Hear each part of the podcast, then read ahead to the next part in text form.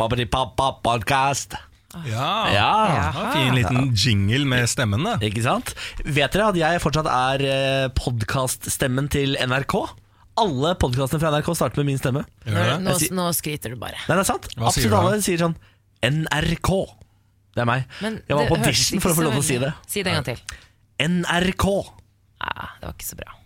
Det var ikke så bra. Jeg Nei, jeg, Jeg slo, ut, jeg slo ut ganske mange kjente NRK-stemmer for å få lov til å si det. Ja. Fikk ikke betalt en krone. Det er rart ikke det med dialektkvota gikk inn der. På Det er veldig rart. Sånn, NRK! det burde vært Jeg slo faktisk ut eh, Ronny fra P3 Morgen. Ja. NRK. NRK! Hvordan snakker Ronja? Det er Førde? Førde, ja. Ja, Førde. Herregud, god morgen. Nei, det er jo det her er produsenten vår, Kristin. Ja. Nei, Hun er fra Vestlandet. Hun er fra Ja. Sogndal, bare det. Men dette her eh, er jo igjen en irriterende start på den podkasten. Må jo bare beklage til alle lytterne. Men vi er veldig glade for at uh, folk laster ned podkasten. Ja. Spre det gjerne videre og uh, ab abonno abonnomer. Abonnomer, som vi sier.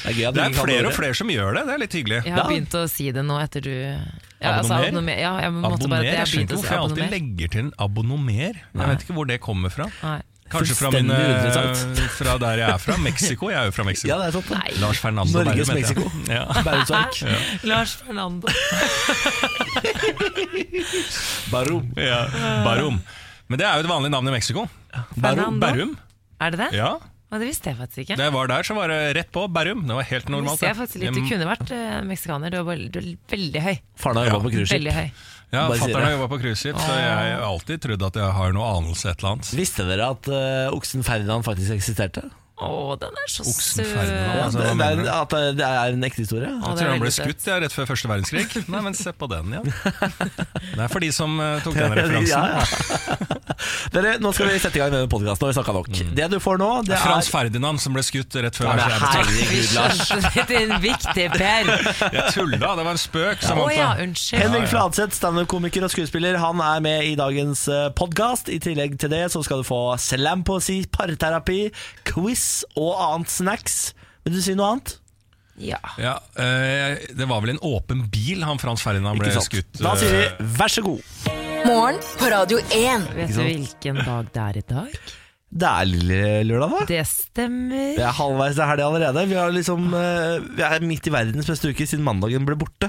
ja, Stemmer. Tenk deg om verden bare hadde fungert sånn at eh, mandag var en søndag nummer to. Alltid. ja, det har vært deilig. Bare den ikke ble borte, for da hadde vi levd kortere. hadde vi ikke det?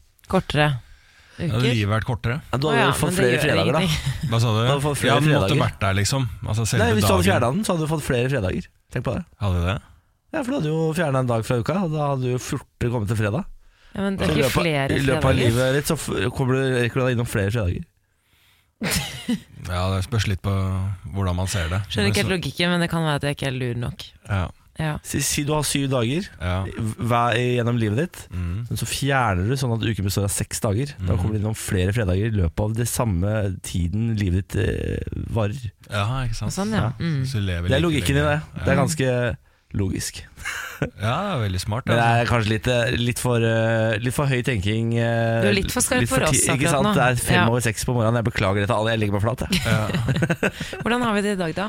Nei, det er jo bra, da. Det er jo en, eh, som vi var litt inne på, en sånn ekstra Lille Lørdag. Altså -hmm. Litt sånn dobbelt så bra, siden eh, den kommer kjappere.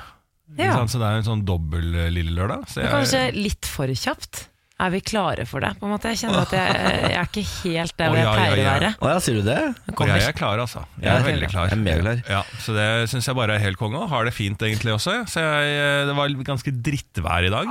For, de, for de som våkna opp i, på østlandsområdet i dag, så våkna vi til altså, det nysnø. Ja. Det, den 4. april. Regn nå, når jeg kom. Nei, for faen. Ja, det regner nå, da. Nå er det jo det er rundt null grader, så det kan by på litt problemer i dag. Ja. For oss som har bikkje, så er dette er det verste været man kan ha. Fordi dette betyr Ja. at hele leiligheten din ser ut som et helvete. ja. Ja. Må vaske Konstant. Godt å vaske hjelp, da, Niklas. jeg vasker eh, gulvet selv, selv hver nei, eneste dag. Hver eneste Åh, dag vasker jeg gulvet. Hvor ofte vasker du gulvet, Lars? Mopper gulvet. Eh, nei, jeg sier jeg prøver annenhver uke, da. Det er ikke sant. Hver dag. Framme med åpen. Ja. Jævla bikkja. Men så Men- har du vaskehjelp òg, som Samantha sier. Det er Ja, det. Det har jeg også. Trenger ikke fokusere på det. Ja, du har tatt min vaskehjelp, tror du? jeg. Ja. Putter du min sånn referansekode, så jeg får avslag? Nei, men du har ikke gitt meg noe. Oh, fuck. Men har- oh, du du fått avslag, ja? Nei. Er det verve... Du hadde fått avslag. Ja, det var jo dumt, da. hadde fått 400 Kanskje avslag. Lars har lyst på si Får jeg dobbelt avslag, da? Vi har eh, referansekode, vi. Oi, oi, oi. oi. Ja, nå må jeg vurdere det. Nå må jeg vurdere vurdere Nå må det. det. Få meg hunden først, da. Ja. Jeg eh, har eh, Det føles litt ut som jeg har promille. Jeg har ikke det, og det er nettopp pga. at jeg har jetlag. Jeg sliter eh, Jeg, jeg syns alltid det er veldig mange som sier at det er Eller om det er verst når du kommer hjem, eller når du kommer frem til et sted. Men jeg syns selvfølgelig alltid det er verst når du kommer hjem igjen. For da henger man eh, litt etter, og så er man veldig trøtt gjennom hele dagen. Så har man egentlig bare lyst til å sove. Og så sier de på en måte du må holde deg våken gjennom dagen for at du kan sove gjennom natten. Ja. Gjorde det i går, Ja. men sov ingenting på natten heller. Å nei. Og da skjønner jeg på en måte ikke Jeg, jeg, jeg tror jeg er på en måte på høygir, for jeg føler meg helt grei, bare litt sånn litt svimmel. Kunsten er å få sove på natten. Hvis du hadde fått sove i natt, så hadde du mest sannsynlig vært ganske vater nå. Ja, det tror jeg også. Men jeg ble, problemet mitt er at det, det er sulten. Det er, eh, det, er det, er den som tar meg. Fordi eh, sånn rundt da jeg la meg i går, da var det kanskje litt sånn sen lunsjtid, men da hadde jeg akkurat spist middag. Og så lå jeg våken til kanskje rundt midnatt, og da er det jo middagstid der hvor jeg eh, var i Ja. USA. Så var du borte ganske lenge òg. Ja, faktisk. Ja. Og da ble jeg Jeg var så sulten rundt klokken halv to i natt at jeg tenkte nå går jeg og lager meg noe mat. Men uh, jeg klarte ikke, så jeg leste bok istedenfor og har egentlig vært våken hele natten. Du har døgna? Det er jo koselig, det, Ja, da. det er koselig. Ja, ja, ja. Ja, men det, er, det sitter i sånn jetlager. Jeg, alltid, eh, jeg har alltid vært ned, ned til steder. Ja, Jeg husker jeg var til, eh, dro til San Francisco en gang. Da fikk jeg sånn derre Jeg tror jeg aldri har hatt eh, så ille jetlag, men da var jeg faktisk svimmel.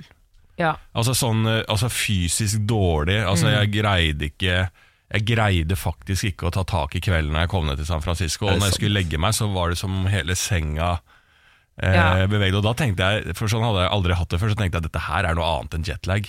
Men det var, nervøs, da. eh, Men det er det, var jetlag. det er noe Nei, helt jeg- jeg spesielt. lå som, det var som en uh, skute på vannet som var i full storm. Ah. Men du føler deg faktisk skikkelig dårlig. Og California, det- søsteren min bor jo der. Når man reiser dit, det er jo alltid åtte eller ni timer mm. tidsforskjell. Det er ganske heavy. Ja. Det er heavy. Så jeg beklager på forhånd, men jeg er faktisk eh, Jeg føler meg grei Dette og har en liten klare. bris oppi hodet mitt. Og det Det gjør er der du er best. vet Ja, du, det er det best. Liten to, Litt jeg sier to, to og et halvt glass cava innabords. Ja. hvis jeg hadde tatt det nå, Ja. da hadde det blitt fest. Ja, men du har vel den formen av to og et halvt glass cava nå? Ja, bare litt sløvere, men, eh, men det gjør egentlig ingenting det heller. Det kan også bli gøy. Ja. Dette her har jeg troa på, jeg, Samantha. Ja.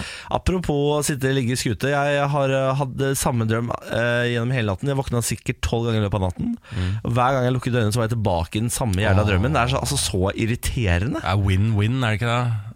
Jeg Altså, trodde, det er du, så jeg trodde du likte det. Ja. Nei, ikke, ikke når det er en ubehagelig drøm. Jeg drømte, drømte, ja. at, jeg var, jeg drømte at jeg var på cruiseskip i storm. Altså, Fins det noe mer irriterende enn å drømme at man ligger i bølger? Du må slutte å se på den TV-serien Danskebåten. Mm. Å, fy faen. Jesus Christ, den er så bra.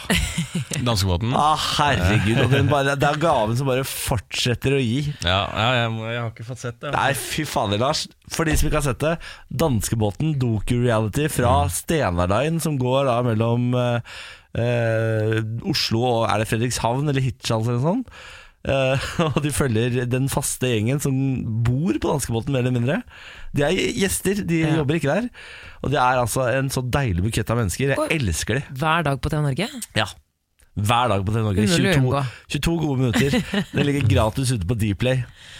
Jeg snakker, med, altså jeg snakker med så mange mennesker som har sett den, eh, den, den, den TV-serien. Jeg har blitt medlem av Facebook-gruppa til Stena Sagas venner. Så det er, det er en hel verden der ute dere ikke vet om. Ja, altså Den er helt fantastisk, men jeg har ikke fått sett sånn Jeg har ikke fått uh, teppesett. Altså Binsja alt, liksom. Det har jeg ikke.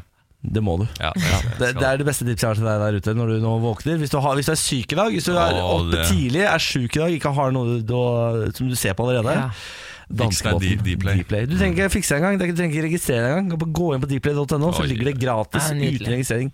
Kose seg. for en verden vi lever i. Morgen på Radio 1. Jeg har lyst til å eh, plukke opp en liten sak om eh, The Rock-skuespilleren, altså Dwayne Johnson. Ja. Kjenner vi han? Ja, vi kjenner han, ja. Big Papa. Eh, Big Papa, Nydelig fyr, alltid et smil om munnen. Har, var vel sist ute sånn eh, i sosiale medier med en eh, eh, video med kiden sin. Oh, ja. Og var så søt med barnet sitt og bla, bla, Ja. bla. bla, bla. Nydelig, svær, svær mann som viser følelser. Er jo vakkert, ikke sant? Ja. Og nå klinker han til igjen. Nå er han ute og åpen Han har vært åpen med selvmordsforsøk til moren sin tidligere. Og så nå er han åpen også da om sin egen depresjon. Tidligere vært langt, langt nede. Eh, så leste jeg litt om det, og jeg skjønner at han ha, hadde litt depresjon. fordi at han eh, er jo ikke Altså han har jo vært da eh, veldig nære på å bli amerikansk fotballspiller. Altså han var jo det skjønner man jo. Ja, ikke Ja. sant? Så han var jo veldig langt oppå der, og drømmen om å nå da å spille profesjonelt i amerikansk fotball. Og han ble dumpet av Canadian Football League under ett år etter at han hadde signert kontrakten. liksom. Så det var veldig tungt for han. Og like etter så gjorde kjæresten slutt. Ei. Han fikk en sånn dobbel greie, og da var han langt nede i grøfta. Så Ja. da sleit han og gråt og gråt og gråt, som man sier, i lang, lang tid, og kom seg ikke ut og på beina igjen. Men nå kan den kjæresten som var da eh, La oss bare si at hun var en golddigger. Ja. Eh, som trodde at han skulle bli amerikansk fotballspiller. Ja. Fulgte han tett, liksom. Og så rød kontrakten, og så gjorde hun det slutt. Ja. Nå Kan du angre? Nå kan du angre, ja. Ja, Ikke sant? Så eh, det er eh, glede i enden, da. Ja, men også tenker Jeg bare sånn eh, Jeg liker å høre sånne historier, for hva er det eh, The Rock ikke klarer? tenker jeg Det er sånn, Ja. sånt bilde jeg har av han. Og så digger det meg når sånne historier kommer frem, samme som eh, artister og andre kjendiser som ble mobba og sånn på high school. Ja. Som blir bare sånn superkjendiser og bare kan vise fingeren. Han, han har eh, kanskje den beste eh, sånn, eh, listen over filmer han spiller i, han, The Rock. For han alltid Han har alltid sånn ironisk distanse til sin egen rolle, føler jeg. Han bare innser at han har begrenset talent innenfor skuespill, Ja. og det er, det er det han spiller på i alle filmer. Ja, Han Gang er på gang på gang. stinn rik og har det kjempebra. Ja, Så jeg, jeg elsker det. Jeg, jeg elsker det. Så hatten av han, og gratulerer til eksen. Det er alltid en sånn i. Hollywood, er det ikke det? Altså, alltid Jo. en som, som er bare dødssvær, eh, og så, så man spiller man på det. Arnold Schwarzenegger, liksom. Ja, han, eh, ja, han var jo litt hardere inne. Han eh, Schwarzenegger kan vi ikke tulle med. Nei. Nei, nei, Nei, Han hadde ikke noe ironi til seg sjæl. Er. Han er politiker. det. Ja, han nå politiker. kjører han jo videre. Han kjører hardt, Ja, det er sant. Det er sant. Ja, ja. Jeg fikk bot i går. eh, Gratulerer. Takk for det. Min første bot i Oslo by. Jeg, har jo, jeg, er en av de, jeg er vel den eneste i redaksjonen som har bil. Ja. Jeg tviholder på den bilen, nekter å gi fra meg den bilen. Har funnet meg en far, fast parkeringsplass utenfor leiligheten som alltid er ledig. Tenkte sånn, Fy faen, altså jeg er så jævla god til å parkere i Oslo by. Viser seg at jeg har selvfølgelig stått ulovlig hele tiden. Ja, da, Ja. fordi jeg står da for nærme et kryss, kaller de det. Det er da en sidegate som går inn i en annen sidegate. Jeg står for nærme svingen i den andre sidegata. ja, ikke fem meter uh, Fem meter fra skal jeg stå. Ja, ja, ja. Jeg står, uh, og de har målt opp De har målt opp til 0,9 Da mener jeg det, Da er det Dwayne Johnson som har målt med beina sine. Som har gått sånn ekstremspagat Uh... Ja, for de justerer, har jeg sett når de eh, eh, botfolka uh, måler opp med sine meter. Det er litt sånn øh, Altså, det er små skritt hvis de trenger det, og så er det lange skritt ja. hvis de trenger det. Altså, de, kan, de skritta tilpasser de fint. For her er det mer enn én meter Det skal jeg love deg. Altså, Gud hjelper meg Og det står bilder der hver, Nå står det bilder der i dag, ser jeg. Så jeg vurderer, skal jeg enten nå Være en god nabo Skrive lapp Her får du bot Gi en advarsel som jeg hadde håpet Noen hadde gjort til meg. Eller skal jeg bare Være han bitte fyren som håper at de også får bot Men du skulle jo ha tatt bilde, du, skulle jo ha tatt opp kampen. Altså Hvis du faktisk Dette er det mener Benjamin at sier. Ja. Han Nei, er sånn er nok- Kjør bilen tilbake, vi tar bildet Og sender inn Ja, nei, men du, du er nok fucked der. Altså, hvis, de måler, hvis de måler én meter, og Ja. du mener at det er fem meter der, Ja. slik jeg kjenner deg, så er det nok ikke fem meter. Og det kanskje- er det nok ikke, det er kanskje tre Ja, Jeg liker at kjæresten din er så trua at han liksom støtter deg sånn. ja, ja, han er klar for å gå i Har ikke dere vært sammen i tre år? Jo, Han nei, jo- tre år, seks år Seks år. Ja. Ja, ja, Han må jo skjønne at du er den som driter seg ut her. Etter, han, han kan ikke ha så godtro på deg. men her kommer hans gjerrighet inn For det er 900 kroner for å stå feil Ja. Ja, 900 det er det det koster. Det er jo helt sinnssykt Men det er jo regel nummer én i Oslo. Altså, ser du en det er, Du som person, hvis du ikke er eh, jobber i byetaten eller noe sånt, Ja. så vei, har du ikke funnet en løsning ingen andre har funnet. Det er sånn eh, leveregel i Oslo. Ja. Ser du en sånn spot, så bare Å, jeg er så smart, jeg, jeg, jeg fant løsningen, her er det ingen andre som har tenkt på. Da må, det, da må det gå en alarm opp i hodet ditt. Her er noe gærent. Og hvis du ikke finner hvorfor du ikke kan stå der, ikke parker der. Men det er en eller annen uh, uh, huke, uh, hake ved de greiene. Men igjen, Lars, har du møtt meg? Altså, dette er jo, dette er, kommer til å være mitt fall i livet. At Ja. jeg tror jeg har funnet løsningen ingen andre har funnet. Ja. Og får bot. Så jeg blir, jeg blir mest sannsynlig satt i fengsel en gang. Men Niklas, skriv en lapp til naboen. Vær en god nabo. Ja, vet du hva, jeg skal gjøre. Skal Gjør det, gjør det, gjør det. Morgen på Radio 1. Samantha Skogran er våken og er på en terningkast. Fire. Oi! Lars er våken og er på terningkast. Fem. Ja, men så bra. Ja, fem og fire. Altså, jeg veksler litt, for jeg, eh, det er såpass tett etter påsken. Ja. Så jeg er litt sånn redd for å si 'jeg er på en femmer, jeg har det veldig bra', og være helt gladkristen. Ja. For det kan eh, straffe seg. så man må være litt fornuftig nå, og heller eh, senke seg, selv om man er på en femmer, si at man er på en firer. For da er man liksom hele tida litt sånn underdanig i forhold til seg selv, får det bedre. Jeg er jo egentlig på en femmer, men jeg går for en sekser jeg da, Lars. Bare for å være motsatt. Du er gæren, du er gæren. Ja, jeg er helt klin gæren. Jeg mener livet blir best hvis du har lavest mulig forventninger. Hvis jeg står opp i dag, sånn som i dag Hvis jeg tenker sånn i dag blir jeg narkoman, og så legger jeg meg, så kan dagen ha vært dritt, men når jeg legger meg, så kan jeg liksom likevel tenke jeg ble i hvert fall ikke narkoman.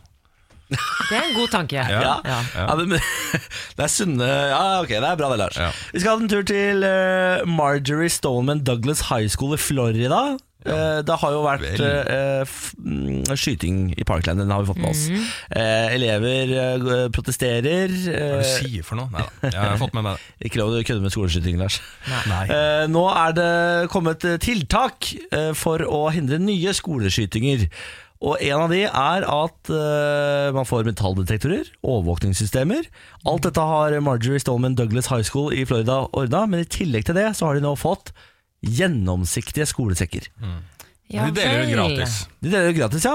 Alle elevene får nå, og må gå med, gjennomsiktige eh, skolesekker. Det er sånn eh, gjennomsiktig plast, da. Ja, for det er for, nei, ikke forbud, men påbud. Det er påbud, Ja. Er det det? Jeg Ja. trodde det var frivillig. Nei, nei, nei, det er påbud, ja. Oh, ja. Eh, og elevene de reagerer selvfølgelig, og har eh, tatt eh, sånne skilt inni disse sekkene. Sånn der eh, 'prisoner number', bla, bla, bla, med sånn gråteøyne. Eh, de har 'March for our lives', klistremerke på de. Eh, de er veldig misfornøyd med disse gjennomsiktige sekkene. da Og hvorfor er de misfornøyde? ja, det, det her er, er ikke jeg sikker på, Fordi jeg er jo en av de som eh, er litt for tiltak. Når man åpenbart har et såpass stort problem som koster så mange liv, så mener jeg at det er fornuftig å sette opp metalldetektorer. Jeg mener at det er fornuftig å gi gjennomsiktige sekker, selv om det, man da tilpasser seg en fucka eh, verden istedenfor å ta oppgjør med den fucka verden, på en måte. Ja, for Elevene reagerer vel på at de på en måte mister uh, retten til privatliv da på skolen. Og uh, han som drepte de 17 menneskene under skolemassakren i februar, var vel ikke student ved skolen heller. Så de, på en måte, det er jo, de bruker jo også det som argument. da Ja, At, at voldsomt. også, sikkerhetssjekken og sånt, det er kjempebra, metalldetektorer, men altså, en gjennomsiktig sekk er litt sånn Ja, Man vil jo ikke ha det, på en måte, for da, da blir det liksom sånn der, veldig sånn eh, fryktsamfunn. Altså, jeg, er jo helt enig i at man eh, selvfølgelig med en gang ønsker å bare Ok, kjører vi metalldetektor og så gjennomsiktige sekker. Altså sånn, ja, så har vi Alle kommer i bare i sånn teatergrunnkostyme. Stillongs og en høyhalse liksom, som sitter tett i kroppen, så man kan se at ingen har noe uh, i bukselinningen. Ja, så, så det er mye man kan gjøre her for å uh, strippe det helt ned, men vi kan, man kan ikke bli helt gæren heller. Men er det helt gæren å ha eh, gjennomsiktig sekk? Ja. Er det helt gæren? Ja, fordi altså, Hvis du vil ha en pistol inn der, så tar du den der, og så legger du bare noen bøker imellom. Altså Det ordner seg uansett. Det er ikke sånn at eh, det sitter en som skal ha lyst til å skyte der, så bare Helvete, altså! Det er Nei, og så gjennomsiktige blir sekker. den jo tatt i sikkerhets... eh, Den der Ja. metalldektoren uansett, så jeg Ja. tenker det kanskje det holder. Jeg forstår, men eh, som, jeg tenker sånn, det er en del eh, foreldre som sikkert er veldig fornøyde med det tiltaket også. Ja, Men de burde gått andre veien. De burde gått til moteselskapene først. Eh, til Balenciaga og sagt sånn Nå lager dere en gjennomsiktig sekk som dere smeller ut på moteuka, Ja. og så blir den populær.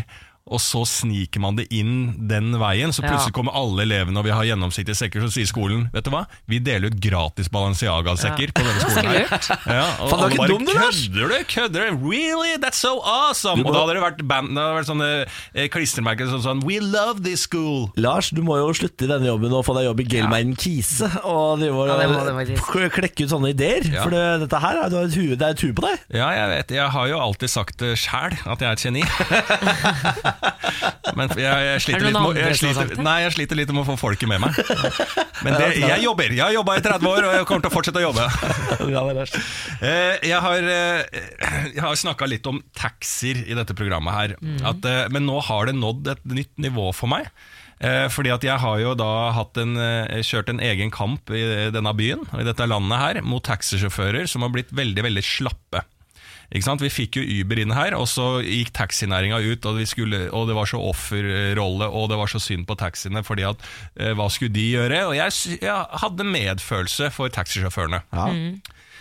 Nå begynner jeg å få mindre og mindre, fordi at det, når man tar taxi i Oslo, det, det gjelder sikkert hele landet, så er det slik at eh, du går inn, så sier du gata du skal til, eller hvor du skal, og har du ikke mer informasjon enn det, så, så, eh, så altså de regner med, hvis jeg sier eh, Fjellgata 34, så regner de med at jeg vet om det er øst, vest, eh, ved eh, Majorstua eller ved Jernbanetorget. Altså de, de regner med at jeg har vært der før. Og så begynner de bare å kjøre.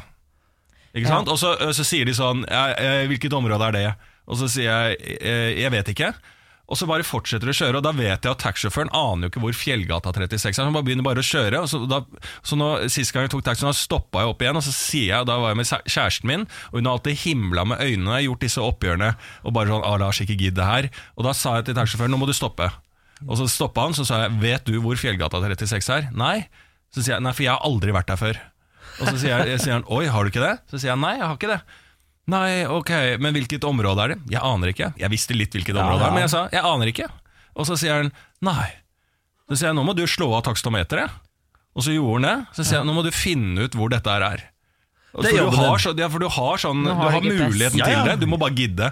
Og så sier, han ja, ok, hva var det adressen? Så begynner han å taste inn, og så tar det jævla lang tid, og han er liksom motvillig taster inn på GPS-en, så finner Fjellgata eh, 36 og kjører dit, liksom. Og da så jeg bort på kjæresten min og tenkte bare, ah, nå Nå får du, blikket. Ja, nå får jeg blikket, liksom. Og hun var like innbitt som meg. Ja, Så nå, nå, nå jeg, jeg har fått en, Det så jeg har fått en soldat til i denne kampen, er for hun har også sett seg drittlei på akkurat dette her greiene her. Ja, Det er vakkert, Lars. Du tar en viktig kamp for alle. Ja. For det der har jeg vært borti før. Irriterende. Det var sånn før òg. På 90-tallet så tok jeg taxier, for jeg bodde ganske langt unna ved taxien, så jeg fikk det dekket. Og da var det ikke GPS, da hadde de sånn bok, sånn adressebok, så du måtte, Ja. sånn, du vet, når du måtte finne gaten bakerst. Og, så, og de var sånn da også. Det var sånn fram med boka, Ja. dritsure Men da for at de måtte liksom boka. finne ja, men, ja ja, selvfølgelig, men jeg var jo ganske liten, så jeg Men faen, er det ikke noe som heter kjentmannsprøve? da? Jeg er fra en liten by. Moss er ikke veldig storbyen. Der kan de gatene. Altså, Ja. Jeg, Ja, det er jeg har Oslo, ja. aldri opplevd å måtte forklare hvor den taxien skal Men jeg krever jo ikke at han skal vite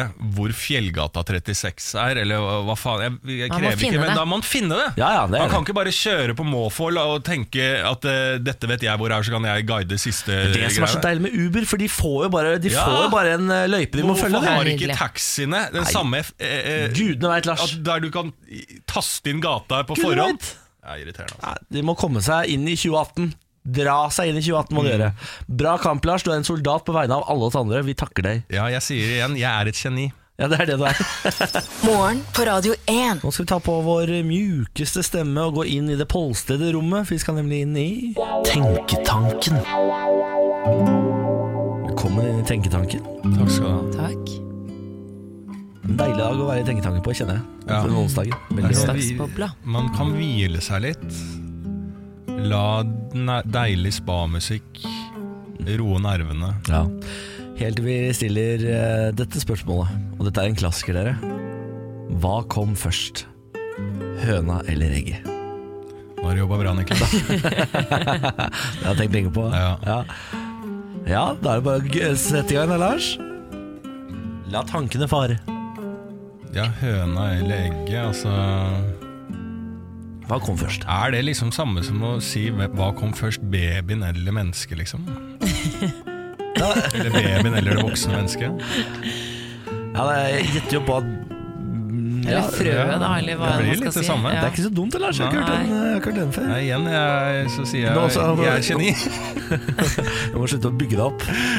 Ja. Og så må man huske innestemmene sine. Ja, Men jeg, jeg bare tenker Jeg blir, altså selv om vi skal holde oss på et rolig nivå her, så blir jeg veldig stressa av å tenke på det. Jeg unngår det spørsmålet eh, så mye jeg kan, i hvert fall. Men er det ikke sånn evolusjonsmessig at liksom, eh, vi starter jo, altså, som en, en eller annen form av dyr, Ja. og så liksom utvikler det seg hele veien?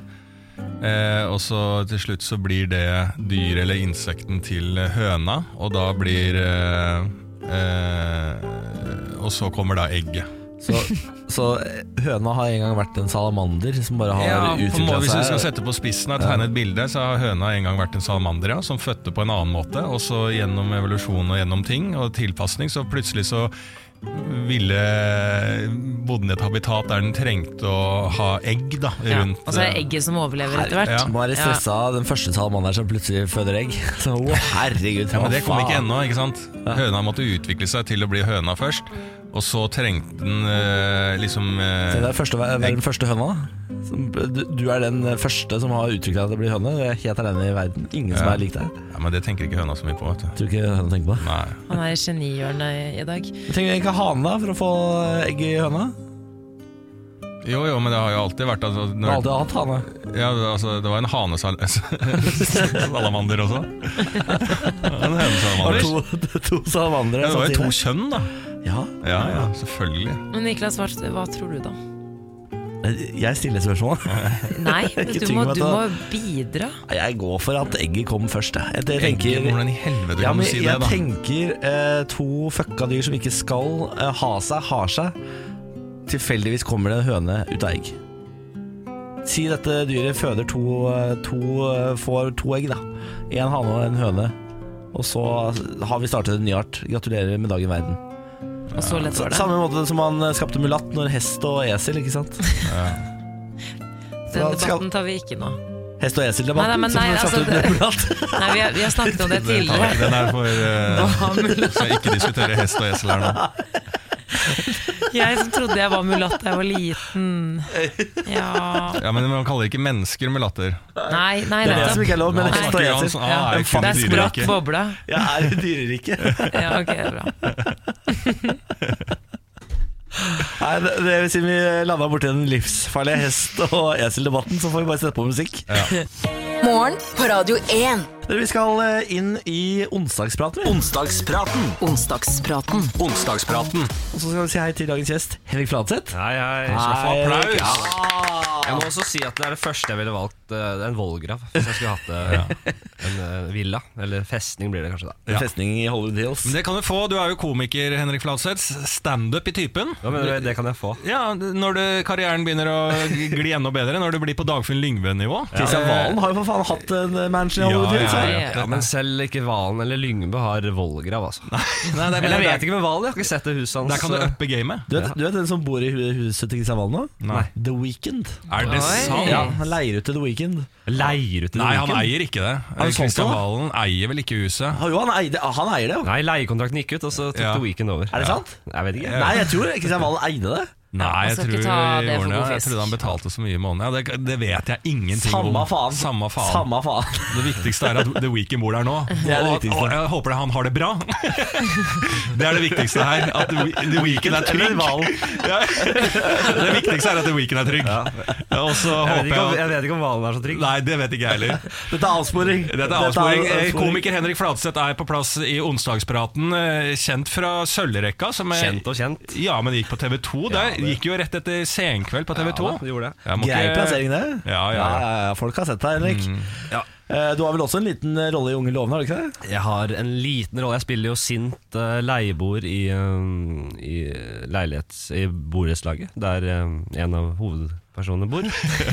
Så jeg har, en, jeg har et par replikker i forbindelse med en, et frieri Ja. ved slutten av uh, Var det første sesong? Ja, Det er vel Alex frir til Kimmo. Ja, alle- men jeg har jo ambisjoner Jeg jobber jo, jeg, er jo, jeg kaller meg selv skuespiller eh, og komiker. Jeg har jo ambisjoner om å jobbe litt mer på film og eh, På lerretet. Eh, så tok jeg den eh, statistrollen som det var. Ja. Eh, og det brant jo mulighetene for eh, videre deltakelse i, Generelt i Norge. i den serien. Med mindre de tar, de tar den sinte leieboeren og bygger videre på den. Ja, det kan bli og- spin-off. Ja, Ja, det kan bli en spin. Siri Seljeseth. Ja, det er gøy når hun skal annonsere hva skjer etter Unge lovende. Ja. Nei, husker du han sinte leieboeren som kommer ut i, i frieriet. Der blir fokuset nå. Henrik Flatseth han er veldig god til å spille sint. En ny Carl Reverud. Igjen i dette her. Vi skal inn i onsdagspraten, og jeg har allerede sagt til lytterne at vi skal snakke om apokalypsen. Fordi folk har kanskje eh, lest avisene i påsken om antibiotikaresistens som sprer seg, havet som fyller seg opp av plast. Henrik, jeg vet at du har fått høy puls av dette. Ja, ja, men jeg tenker Jeg er ikke noen sånn fanatiker, men jeg tenker jo på øh, Man ser liksom Walking Dead, man ser den derre Valkyrien, den NRK-serien. Man må jo gjøre noen forberedelser. Ja, hvilke For forberedelser? plutselig så smeller det. Plutselig er det sånne ildtønner øh, og, og folk i frakker som står i, rundt i byen, Ja. og det er Nei, men Jeg, vil tenke, jeg ser også det bildet at eh, eh, Jeg ser lite av sånne hansker sånne, eh, med ut, der fingrene er eh, synlige. Sånne fingerhansker. Men jeg tror at når ap apokalypsen kommer, så tror jeg Faen, er det så mange i Norge som har de hanskene? For da står alle over de tønnene med sånne fingrene synlige sånne hansker. Jeg har faktisk, jeg har faktisk sånne hansker. Men det er, det er, det er med, du kan velge om du vil ha utenfingre eller medfingre. Oh, ja. Kan du dra over en sånn liten vott Ja, over, så er fingre, over apokalypse. fingertuppene, Ja, så har du vanlige votter. Hva er poenget med de hanskene, egentlig? Nei, nå sklir vi ut igjen. Hva var spørsmålet? Hvordan er, er du klar for eh, Hvis det skjer en, eh, eh, en dommedag, altså apokalypsen kommer, er du klar da? Er du Med uten zombier? Eh, si uten zombier først, da. Uten zombier. Fordi, ja, det er eh, når Eller ser gjerne med, hvis det er det du har forberedt er deg på. når jeg, ser på, når jeg ser på The Walking Dead, så blir jeg så forbanna. Fordi de som, når de, de dør så de, Det er så enkelt å drepe de zombiene. Ja. Du må bare ha rutiner, rutiner, rutiner. Ja. Du, akkurat, du har en spiss gjenstand. Når zombien kommer, stikk rett i hodet. Rett i hodet! Trekk deg ut. Og så neste. Rett i hodet! Trekk deg ut. Og sånn går det. Kan du, du? Henrik, Ja, det er jo på TV, så jeg tenker sånn eh, virkelighetens zombier er faktisk mye vanskeligere. Ja, sånn eh, Ja, ja, det, her, det er jo på film, vet du. Eller på, det er jo ikke ekte. Ja. Ekte zombier er mye eh, Det er ikke Ja, er det det? så lett. Er det sånn World War Z-zombier? De Ja, er for det vet jeg hva er. Nei, men Det var bare en zombiefilm der de er veldig veldig raske hele tiden. Ja, men jeg De er- tror de er beinharde. Samme som aliens og sånn. Alt det som finnes i virkeligheten, de er mye tøffere enn det du ser på TV. hvilken zombiefilm er det hvor, hvor det bare er Israel som overlever fordi de har den muren mot Palestina? Så uh, alle zombiene blir stoppa av den muren, så Israel er det eneste stedet i verden som overlever. Ja, det vet jeg Det er en ikke. blockbuster. Jeg kan tenke meg hva slags religion han har som har lagd den filmen. Men eh, jeg, jeg tenker jo sånn eh, Det hadde vært gøy, som eh, Henrik sier, at det er rutine for å drepe zombiene. At det er, det er det som liksom Når det er apokalypse, zombiene har kommet, og det er helt dommedag, og vi hører på radioen som har blitt satt opp av liksom sånn Hva skal man gjøre? Husk rutine. At det er, igjen, det er rutiner som får deg til å, å leve best. Sov til riktig tidspunkt, drep zombiene på riktig måte hver dag. Riktige morgenrutiner Ja, riktig morgenrutiner. under apokalypsen. Ja. Ja. Selv om det er apokalypse, så er det viktig å komme seg opp på morgenen. Det er ikke vits å ligge og, og dra seg.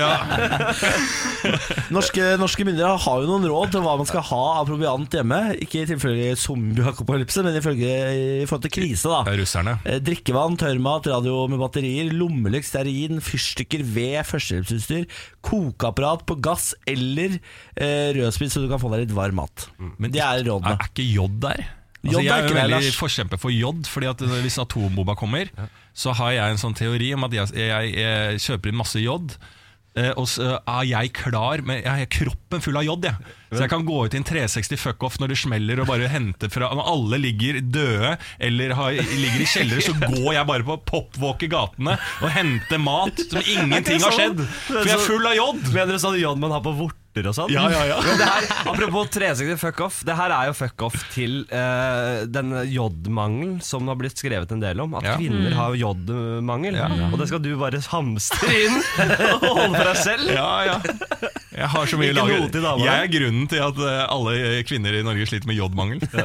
Men jeg, jeg, jeg, jeg, jeg er en drømmer, ikke sant. Jeg drømmer jo om at hvis det skal inntreffe en apokalypse, så skal jeg opp til Sjømannskirken, nå Kongshavn eh, videregående skole. Det er et fort. Der skal jeg barrikere meg eh, med en, en gjeng, et crew. En, en, en, en smart uh, asiater altså, De klassiske. Uh, og så har jeg masse sånne ideer. Men jeg har når, når alt til alt, så har jo ikke jeg en, tatt noen Jeg har ikke forberedt meg noen ting. Jeg har, ikke, jeg har fyrstikker, har jeg. Ja, fyrstikker har du. Fyrstikker har jeg. Fyrstikker, ja. Det er, that's sprit? it. Rød sprit? Nei.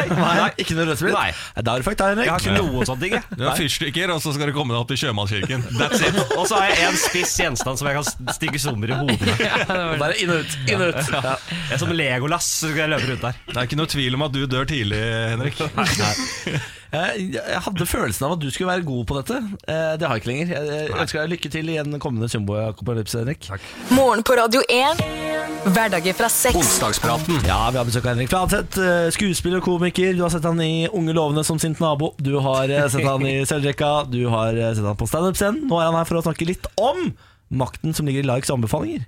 Jeg vet ikke om dere har sett uh, Black Mirror-episoden hvor uh, et sånn ratingsystem avgjør egentlig alt i livet ditt. Hvilken jobb du får, hvor du kan bo, hvor mye penger du får, altså hvilken kjæreste du blir med. Det er jo selvfølgelig satt på spissen. Men sånne ratingsystem finnes jo allerede i verden. Du fortalte meg i stad om et eh, Var det Kina som hadde I et vilt Kina så har man Jeg husker ikke navnet på det, men det er en mobile pay-system der alt, alt går gjennom den appen. Det vil si altså Uber, bestilling av mat, reiser, alt. Kan tenke deg hvor mye data som blir samla på deg. Altså, Man kan finne ut akkurat hva du driver med til enhver tid. Men det som er skummelt, og det som er likheten med Black Mirror-episoden du snakker om, er jo at du får en rating, du får en score som definerer hvem du er. Og jo høyere score du har, jo bedre eh, Jo flere goder får du. Og jo lavere score du får, jo, jo, jo vanskeligere blir det å, å leve. leve. Det her er jo bare en, en, en sped begynnelse, men det er litt sånn spennende å tenke hvor det skal det her gå. da Absolutt, men hvor bevisst er du på hvordan du bruker ratingsystemer da? Det er det som er Nå skal, nå skal du høre. Kan jeg fortelle en historie? Kom med det. Dette gikk opp for meg her for et par eh, uker siden. Jeg var i, i Bodø. Satt på en eh, kafé og, og, og ventet på en ferge, egentlig. Så kommer uh, Altså, jeg hater dårlig service. da Jeg blir sånn ordentlig forbanna. Det er noe med brudd på rettferdigheten, og sånn, da, da, da, da klikker det litt for meg. Og eh, kom en servitør bort, og jeg spør uh, pent kan jeg låne penn og papir av deg. uh, vær så snill. Og han sier nei. Uaktuelt. Uaktuelt. Han sier, han sier ordet uaktuelt. Ja, det er voldsomt svar. er, det, er det uaktuelt? Ja. Så, så bare ok, greit. Jeg, prøver, jeg lar det gå. Ok, Men jeg tar meg bare en kopp kaffe, da. Eh, og sånn, ja, men du må gå i baren og bestille. Og da, jeg, jeg, jeg ønsket han død, nesten. Det var uaktuelt for deg? Jeg ønsket nesten mannen død. Jeg var så eh, eitrende forbanna. Jeg tenker, jeg, kan, jeg må straffe ham på en eller annen måte. En form for straff må han få. Og jeg kan ikke slåss eller skade han eller stedet, så jeg, jeg, går inn og straffer han knallhardt på TripAdvisor. Ja, så han Det en stjerne? er min makt, og ikke bare det, nei. Eh, Jeg, eh, det var en av det som var, Jeg skulle egentlig straffe ham på TripAdvisor. Jeg var inne der, jobba et kvarters tid, så var det, jeg fikk det ikke til. Så, men det visste jo ikke han, at jeg ikke hadde fått det til. Så da jeg gikk forbi, så bare ja, da stikker jeg. Jeg må bare si at det var veldig ubehagelig med alt homohatet og jødehatet. Du sa det? Ja. Da bare Hva mener du? Du kan lese mer om det på TripAdvisor! Gikk jeg ut. Jeg gikk ut som en konge. Gikk ut som en konge Sklei på isen rett ned utover der. Og lå der. Og da og Ja, det for var- karmaen finner fortsatt. karmaen finnes Så det var jo, det var, jeg var jo som en sånn patetisk hevner som lå Jeg har gått på en smell på ratingsystemet andre vei, hvor jeg har vært drita bestilt Uber. Det har kommet fire Ubere uten at jeg har kommet ut og fått den, og jeg har fått ekstremt ræva rating på Uber. Så en periode jeg prøvde å bestille Uber i det uendelige. De tok aldri turen min, fordi de også har jo rating på oss på Uber. Det er jo ikke bare andre veien. Så det der må du passe dere for. Ja. Samme gjelder Airbnb. Hvis dere bor et sted og gjør en dårlig, dårlig inntrykk, får dårlig rating fra Airbnb-utleier, ferdig. Ja, Altså, fordi på det- er- Uber, er dere flinke til å på en måte rate gode sjåfører også? Absolutt. Er noen er ganger på viktig. Uber så får jeg ikke gå ut av Uberen før jeg har gitt den eh, full score. Er det sant? Ja, de truer deg, liksom? Ja, nesten litt sånn uh, småtruing. Men jeg tenker jo at eh, er vi i ferd med da, hvis dette her er det nye vi skal leve med, da, sånn ratingsystem uh, både fra, fra oss som kunde og fra de eh, eh, vi eh, bruker service fra, da, så er det jo, går vi litt sånn inn i sånn kastesystem, sånn moderne kastesystem. For da, som jeg, da, og så bygger jeg meg opp den, eh, et sånn rating eh, når jeg blir gammel, og så arver barnet mitt Din rating, ja. ratingsys- min rating. Og hvis den har vært dårlig, så, er det på en måte, så blir den liksom født inn i dårlig rating. altså Skjønner du hva jeg mener? Ja, ja, ja, Så da har du sånn kaste... Jeg liker det litt. Ja, det gjør det. Ja.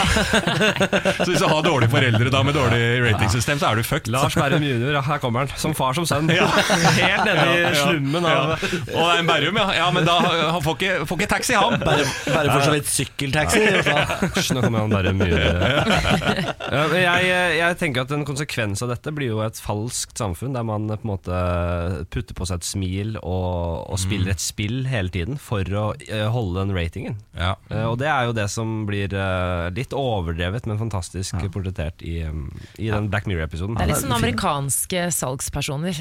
Litt sånn sånn type stil. Ja, ja. Eh, Den derre intense Uh, servicen du får i butikker. Vi får Hollywood. på. Den jeg elsker. Nei, er Hele verden blir Hollywood-overfladisk. Åh, så deilig. Det er jo helt nydelig. Og da blir liksom som, man, går ikke inn, man kommer ikke sånn sliten inn i taxien da. Altså, da har man pynta seg. Altså, altså Uansett om jeg skal jeg, har, jeg jobber som eh, vaskehjelp, så kommer jeg i dress inn i en taxi for å få bra rating. Har du lagt merke til alle disse Uberne som er flinke til å ha godteri og vann i baksetet? Ja. Bare for å få god rating? Ja, ja, ja. Altså, Så vakker kan verden bli. Ja. Ja, men, og, eh, vann er gratis i Norge.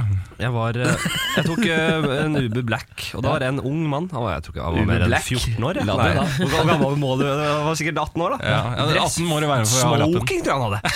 Og han hadde kjølebag bak med masse forfriskninger. Og det insisterte han på å ta ut selv og servere meg. Så han jobba knallhardt for ratingen. Men det, jeg vil si at det er, det er en litt positiv ting. Da, må si. Ja, og Han fikk eh, tre stjerner, han. Han fikk full pott, skal jeg love deg. Men uh, det er noe med å ikke prøve for hardt òg, så jeg vurderte faktisk å Men jeg, jeg, hadde, jeg hadde ikke Det samvittighet. til det. samvittighet. Men uh, tenk hvis uh, lærere kan f Hvis du etter hvert Hvis ungene spiller de der øh, altoppslukende spillene sine inne på én app Alt skjer der inne, og du har en score, så vil jo de ungene desperat prøve å beholde den scoren. ikke sant? Hvis lærerne kan straffe ungene ved å øh, gi dem dårlig rating for, tenk, hvor, Da blir det jo et helt Da blir det total kontroll. Da. Nå har du ordna, ordna det problemet, Henrik. Morgen på Radio 1. Jeg har litt lyst til å snakke om eh, grining under taler. For eh, som jeg har fortalt før, så var jeg forlover i søsteren min sitt bryllup, som eh, nettopp var i Puerto Rico i Karibien i påsken. Og jeg var jo litt bekymret eh, i forkant fordi at jeg måtte prate engelsk. Fordi halvparten av eh, bryllupsgjestene snakket jo enten bare engelsk eller spansk. Så da måtte jeg jo snakke engelsk. Eh, Med, spans, med spansk aksent. med spansk, sånn de skal forstå meg litt bedre. Ehm, og dagen kom jo. Det var jo bare Det er jo snart to, to uker siden bare. Og det var jo en kjempefin dag, og søsteren min var jo så fornøyd. Og det var ganske få taler, så jeg visste at jeg hadde ganske fritt spillerom. Skrev talen samme dagen. eh, utsatte det ganske lenge, faktisk. Det er ballse. Ja, jeg hadde tenkt litt på hva jeg hadde lyst til å si, og så hadde jeg jo egentlig litt lyst til å ta det litt på sparket og ikke ha manus, for det liker jeg eh, best. Jeg har jo ikke holdt mange taler, men når jeg har gjort det, så fungerer det ofte best hvis du bare liksom, ja, eh, tar det på sparket. Men eh, siden jeg skulle holde det på engelsk, så skrev jeg alt ned ord for ord. Eh, og det, det, det som er litt dumt, er hvis du er litt nervøs, da så kan du se det mye tydeligere, for du holder arket, og da liksom rister jo arket litt hvis du skjelver litt, men eh, det gikk greit. Og så eh, hadde jeg også mikrofon, og det liker jeg ikke. Var det mikrofon, Ja, det var mikrofon. Men uansett så var jeg litt nervøs, og så sa jo kjæresten min Emil bare Men husk at liksom, alle vil jo deg vel, så det går jo bra uansett. Og eh, talen eh, gikk faktisk Det gikk ganske bra, startet bra. Jeg var jo mest redd for at jeg skulle begynne å grine, fordi det er jo så nært, og jeg er veldig nær søsteren min. Og jeg tenkte det er, det er hyggelig å begynne å på en måte, felle noen tårer, men hvis du begynner sånn hysterisk sånn hiksting, det er, det er ikke noe Nettopp. Det, Så, så, så, så, så fantastic! Det blir, og så tar det en evighet å komme gjennom, for jeg hadde jo også den lengste talen. Ja.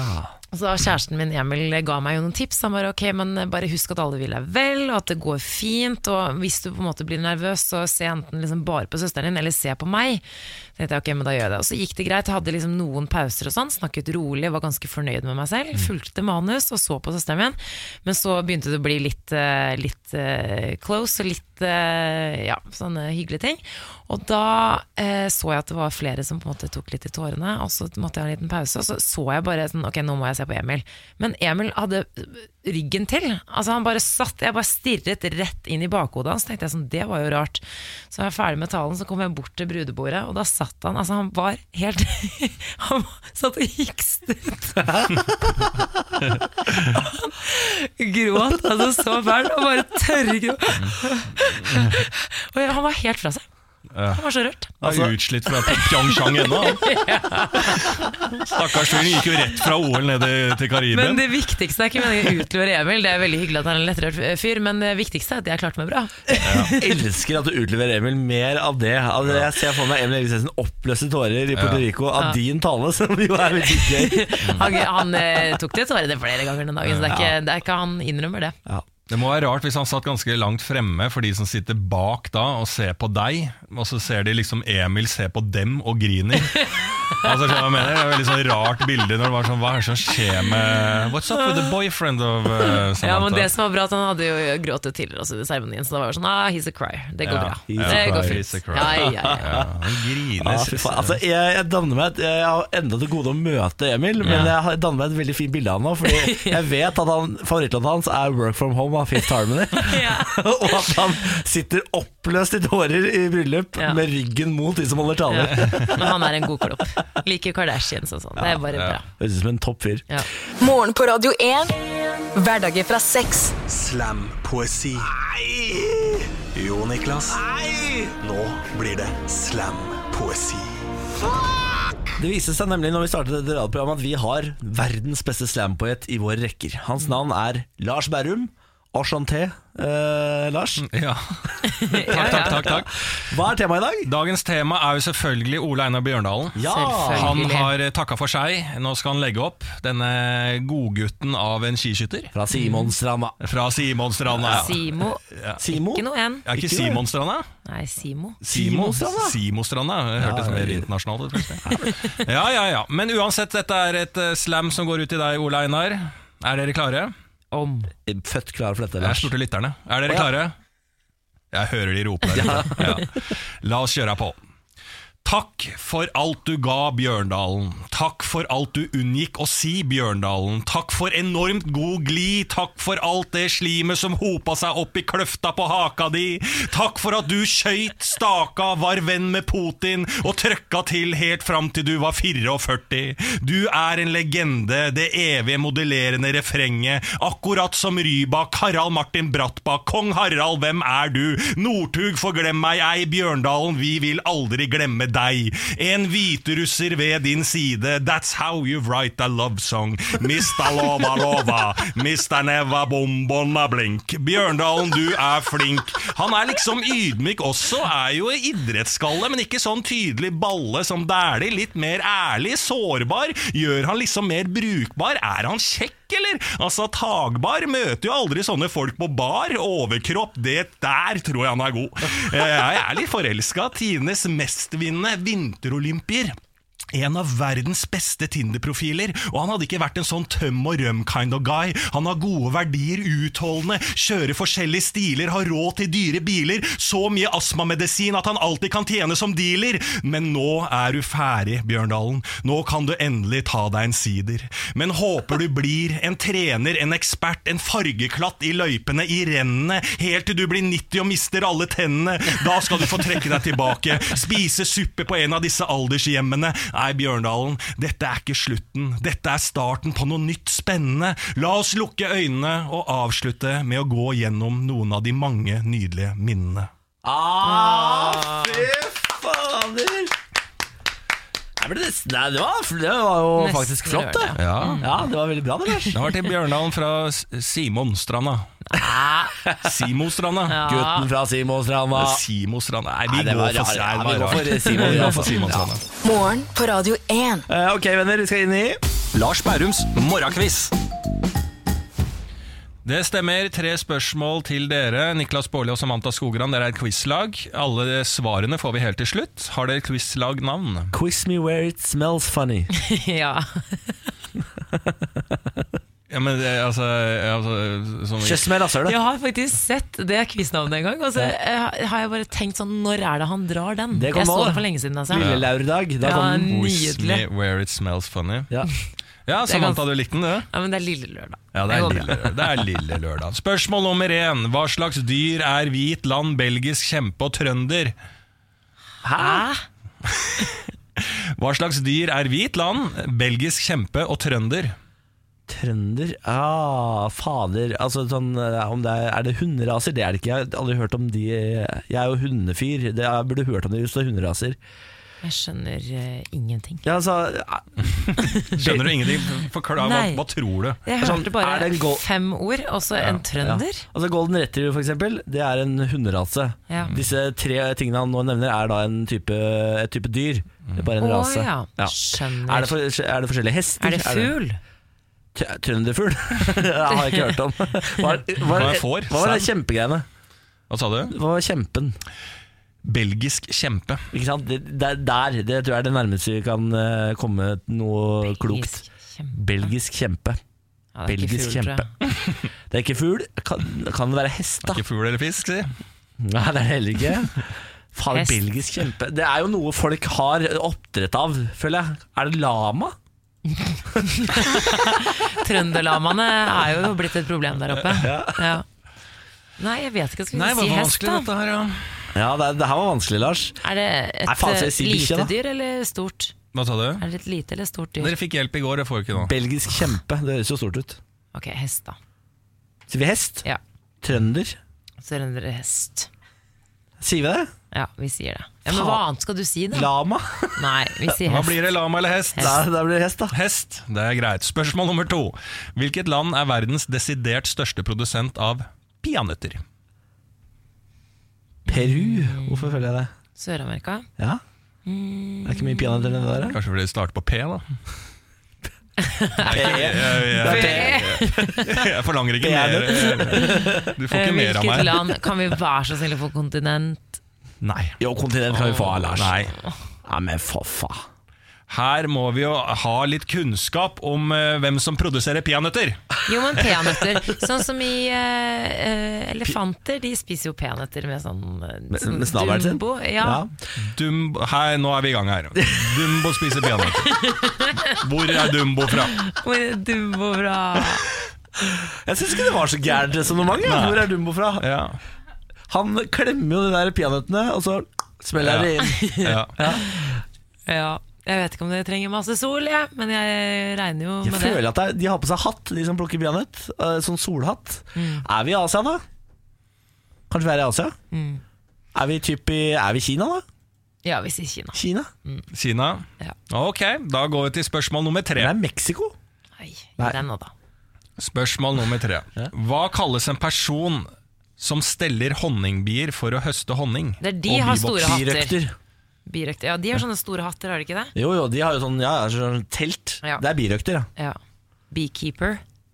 Beekeeper? Birøkter Birøkter? på norsk. Ja, ok. Da går vi til å få alle svarene. Ja takk. Spørsmål nummer én. Hva slags dyr er en hvit land, belgisk kjempe og trønder? Jeg sa Her gikk dere for hest.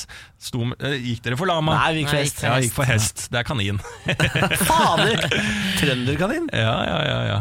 Lurer på, jeg lurer på om min kanin Brutus var en eh, sånn belgisk kjempe. Ja, var den det, ja? Nei, det kan det ikke ha vært. Det må ha vært villkanin. Trønder er sikkert. Ja. Eh, spørsmål nummer to. Hvilket land er verdens desidert største produsent av peanøtter? Ja. Her eh, resonnerte vi via Dumbo og endte på Kina. Ja, hadde lyst til å si Mexico, egentlig. Jeg hadde det lyst til å si. Afrika. Ikke som land, men eh, et eller annet sted. Ja, ok, Så dere endte på Kina, men hadde lyst til å si Mexico og et afrikansk land? Ja. Bra dere ikke gjorde det, for Kina er riktig. Heldigvis. Bra, Og hva kalles en person som steller honningbier og høster honning og bivoks? Det er jo en birøkter, det! Yeah, To av tre. Veldig bra. Takk for det. takk for det bra, Ja, ja, ja. I dag, eh, den Kina, den, eh, den, det var bare flaks. Fordi jeg så for meg solhatt. Men jeg tar den, jeg. Ja, du tar den. Det er riktig. Fy fader. Dere, nå skal vi snart ha nyheter når klokka blir eh, halv ni. Eh, Det er det Samantha som står for. Jeg gjetter på at nyhetene er saftige og juicy fine. Det er Alltid det. Er det Sylvi Listhaug? det. Er det regjeringsendringer? Det er Ja, regjeringsendring. gi oss med det Ja, ja, ja. maleriet. Nå er det malt over det maleriet. Ferdig snakka med jævla AtB-kunstneren. AFK. AFK. Dette er morgen på Radio 1. God morgen, Niklas Baarli, og god morgen til deg, Samantha Nei, Skogran. god morgen, da. Ja, God morgen, alle sammen. Og god morgen til deg som hører på, hvor enn du er i verden. Om du er på bussen, eller om du er i bilen, eller om du er i dusjen, eller om du er på toalettet, eller står på kjøkkenet og smører deg en blings med Hva skal vi ha Kaviar. på? Nugatti. Kaviar. Ja, Nugatti og kaviar. Hvis du er den fyren. Nybakt brød med ha på. Ja, oi. Den der Smash Nugatti Den ser digg ut. Jeg har ikke prøvd den ennå. Den gule, de har fått Smash Nugatti. Oh. Oi, jeg har aldri vært noen sånn sjokoladepåleggmann, men jeg likte den eh, sjokade. var jeg min, min favoritt. Ja, var det? Ja. Mm. Jeg har lyst til å ta et lite, sånn, eh, lite eh, stikke fingeren ned i jorda og faktisk innse at våren har kommet. Har den det? Men har den, Den det? har det, den har det, for dette har jeg sett. For jeg, i da, i det, denne sesongen her så har jeg gjort en test for meg selv. Sånn at jeg skal bli et bedre menneske i sånne overgang vinter til vår. Fordi at uh, utafor den blokka jeg bor i, så har det vært da så mye is. I sånne, mm, på sånn innkjørsel der så er det så Altså Det har vært sånn helt vilt eh, sånn grop, så det har vært vanskelig for biler å kjøre inn. For det har vært så dype groper med hard, hard, hard is. Ja. Dette var eh, Før påsken var det eh, såpass ille at det som sagt var vanskelig å kjøre inn. Og da tenkte jeg nå skal jeg ta en test, Fordi at dette her tenkte jeg at det må jo ta flere måneder før denne isen er smelta. Det kan være godvær, men denne isen er jo ikke borte før vi er eh, nærmere mai. ikke sant? Ja. Sa jeg hodet, og så stoppa jeg opp. Så tenkte jeg nå skal jeg eh, inn på mobilen min og sette litt sånn huke av den dagen jeg tenker det.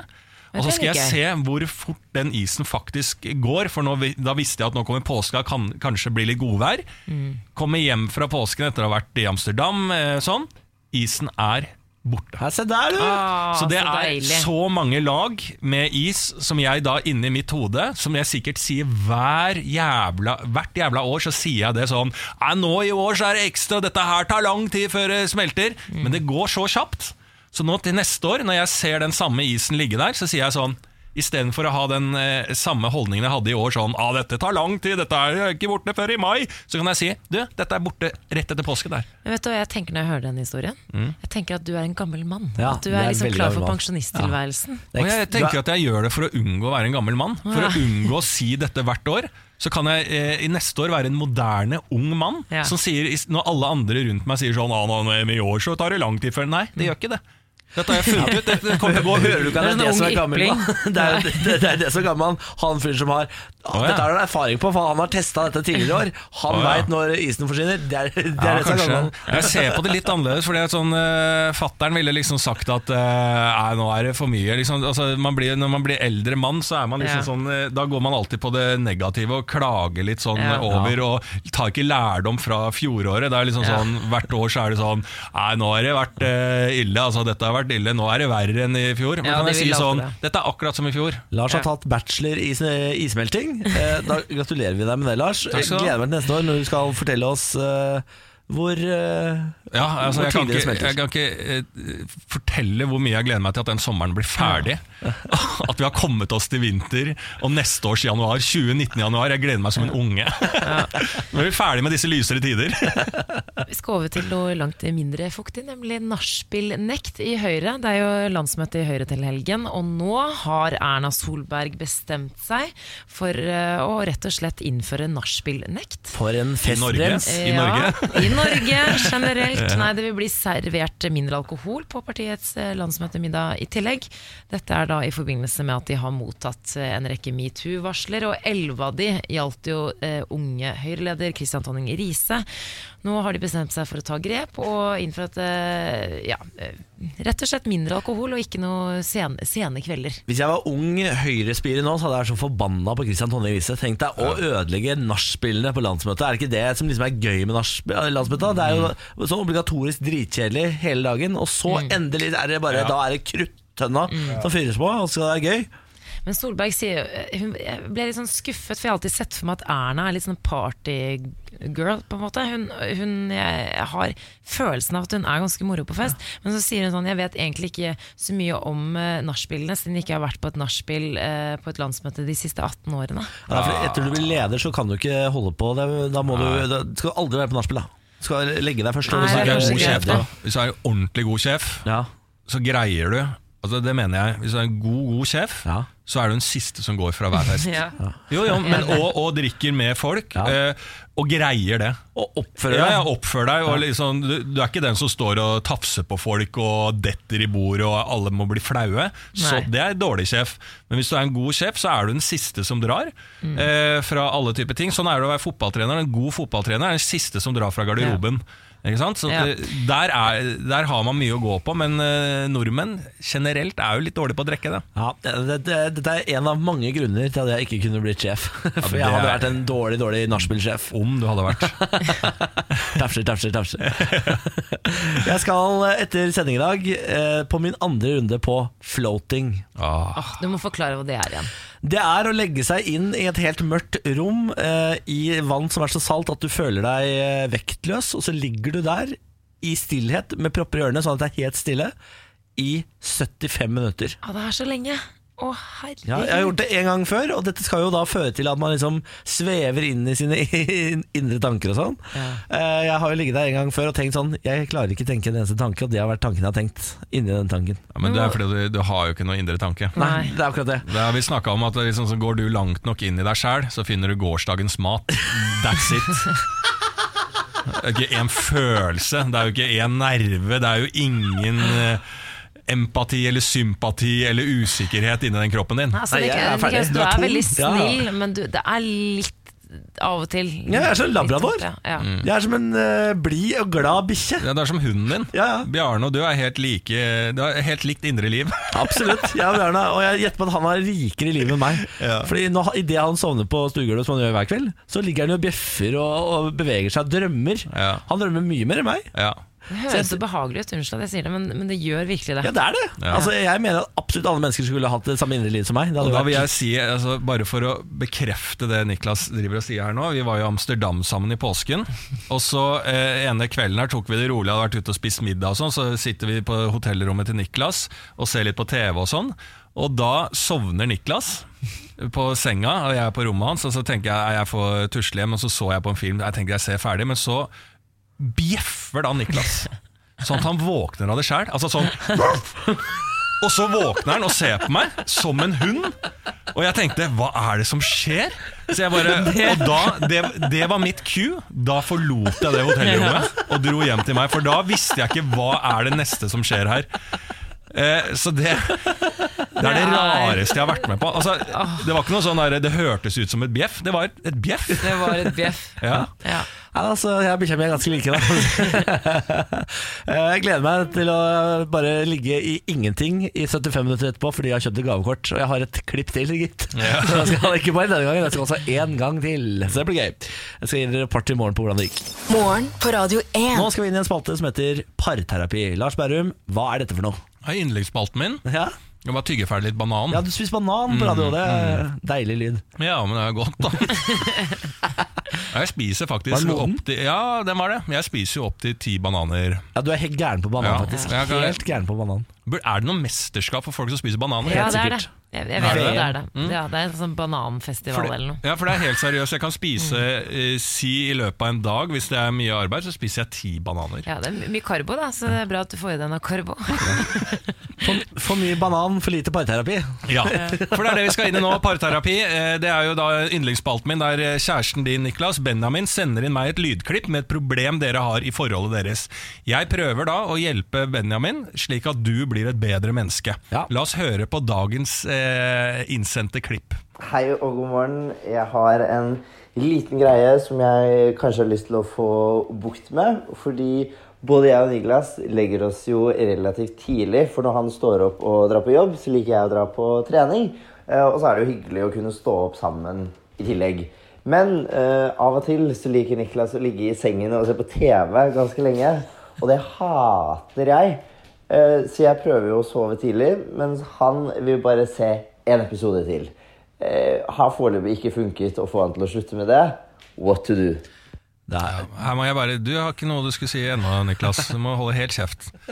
Eh, her skal vi gjøre deg til et bedre menneske, Niklas. Så minst mulig prat på deg er veldig bra for den spalten her. det som er så gøy, er måten Niklas fremstiller kveldene deres. For han bare 'Det er så koselig'. Vi går og legger oss klokken åtte, og så setter vi på The Good Wife, og så koser vi oss mens vi ser på det. Ja. Eh, Dette er ikke tilfellet. Nei, ben, eh, Benjamin vil jo bare sove. Eh, og her eh, kan jeg gå inn og så si eh, nummer én. Jeg har aldri skjønt det greiene at det er så koselig å stå opp sammen. Nei. Eh, legge seg sammen skjønner jeg, men stå opp sammen det er hans galskap, ikke Ja, min. det, det fascinerer meg. Eh, så den er til deg, Benjamin. Nummer to så er det jo det her med å eh, legge seg altså, han, han er jo helt fantastisk og legger seg tidlig sammen med deg for, og står opp og trener Ja. på morgenen. Det er jo insane også. Ja, det er, hvis du skal beholde det stykket her, vet du, da må du jobbe. Da må du jobbe ass. Og så er det jo dette her med å se serier. Da. Det er jo, altså, der er det litt vanskelig for meg, for jeg synes jo det, jeg er en sånn binsjer. Altså, jeg sliter veldig med å bare se en episode av noe før jeg legger meg. Hvis det er en serie jeg følger med på. Da må jeg bare sette av en hel søndag, ta alt. Mm. Eller ta alt den kvelden. Sånn Så- er jo jeg også. Ja, så jeg sliter veldig med det. Jeg, kan ikke, jeg, jeg, er ikke, jeg greier ikke å lure meg selv i dette såkalte livet. Med å si sånn Og så er det så koselig, så har vi den, og den er lang den sesongen her, så ser vi én episode. Nei, drit i det. Sånn har jeg vært hele livet. Fått en dentboks eller pastillboks av mamma da jeg var liten. Sjom, alt ned. Det var ikke sånn at jeg sparte utover dagen. Tok alt med en gang. Jævla godt der og da. Så slipper jeg å tenke på det mer. Eh, og sånn er jeg også med serier. Så eh, her vil jeg egentlig Mitt råd her er jo ikke se sånne typer serier på senga. Ikke se det der- sammen. Nei, jo, det, det syns jeg Noen par ser jo serier hver for seg og sitter med sånn headset og sånn. Det, det, det syns ikke jeg er så hyggelig. Jeg syns det er gøy å se ting sammen. Men det jeg tror dere må gjøre, er at i senga når dere legger dere tidlig, så må dere se på andre typer ting som det går an å sovne til og slå av. At dere må ikke ta de eh, Det er det han seriene foreslår hver kveld, men jeg vil jo bare se Alicia Florrick. ja, i The Good Wife. Ja, men Da må dere se det før dere går i seng. men altså, Dere må ha faen. egne eh, eh, TV-ting dere ser på i senga, Ja, som en ikke ny er de serie, dere følger godt med på. poeng. Ja. Det her har Godt tips. Benjamin prøvd å foreslå i årevis. Jeg har Ja. slått hardt ned på det. Ja, men da er jeg enig med Benjamin, for der må dere se Friends eller et eller annet, Ja. sånn, så vi kan bare Ja. slå av og se halve. Modern Family, for eksempel. Ja, men det har jeg sett alt av. Family Guy. Family har jeg sett alt av. Det ligger nye Modern Family-episoder har ute på alt av TV2 det nye. Sumo. Sett det fins 100 serier, Ja. Niklas. Du finner et eller annet. Ja. Noe dere ikke må følge med på, der du ikke føler at du må se en, serie, eh, en episode til. Det er greit. Ja. Han vant. Ja. Du vinner, Benjamin. Det er greit. Selvfølgelig vinner Ja, han. ja. Dette er morgen på Radio 1. Nå, Lars, skal du få lov til å si tre setninger om Frans Ferdinand. Hvor mye kan du? Jeg kan ikke noen ting, jeg. Jo, da, vi skal jo ned til Balkan. Da. Det var vel der det røk, liksom. Frans Ferdinand eh, som ble skutt, som utløste da første verdenskrig. Da. Mm. Og det var i år. 1914. Se der. Ja, var det, er det det? Nøyaktig Første da? verdenskrig varte fra 1914 til 1918. Ja, men var det da Nei, det kan godt ha vært noen år eh, før, ja. Fikk kula, liksom? Nei, jeg vet ikke. Si Altså, 1912, da. Si, si 1912. ja, Ja. men skal Før Kristus, selvfølgelig. Ok, Vi er tilbake i morgen med en ny podkast. Tusen takk for at du har hørt på. En vakre ord ut i dagen, Lars. Vi må alltid vite hvem som er vår nærmeste venn. For ellers så vet vi ikke hvem som er vår nærmeste fiende. Jeg bare sier ting, og så blir det dypt på en eller annen måte. Hvis man stopper, hvis, vi. hvis man fortsetter å snakke sånn som vi gjør nå, så blir det ikke dypt. Nei, sant det. Ja. Farvel.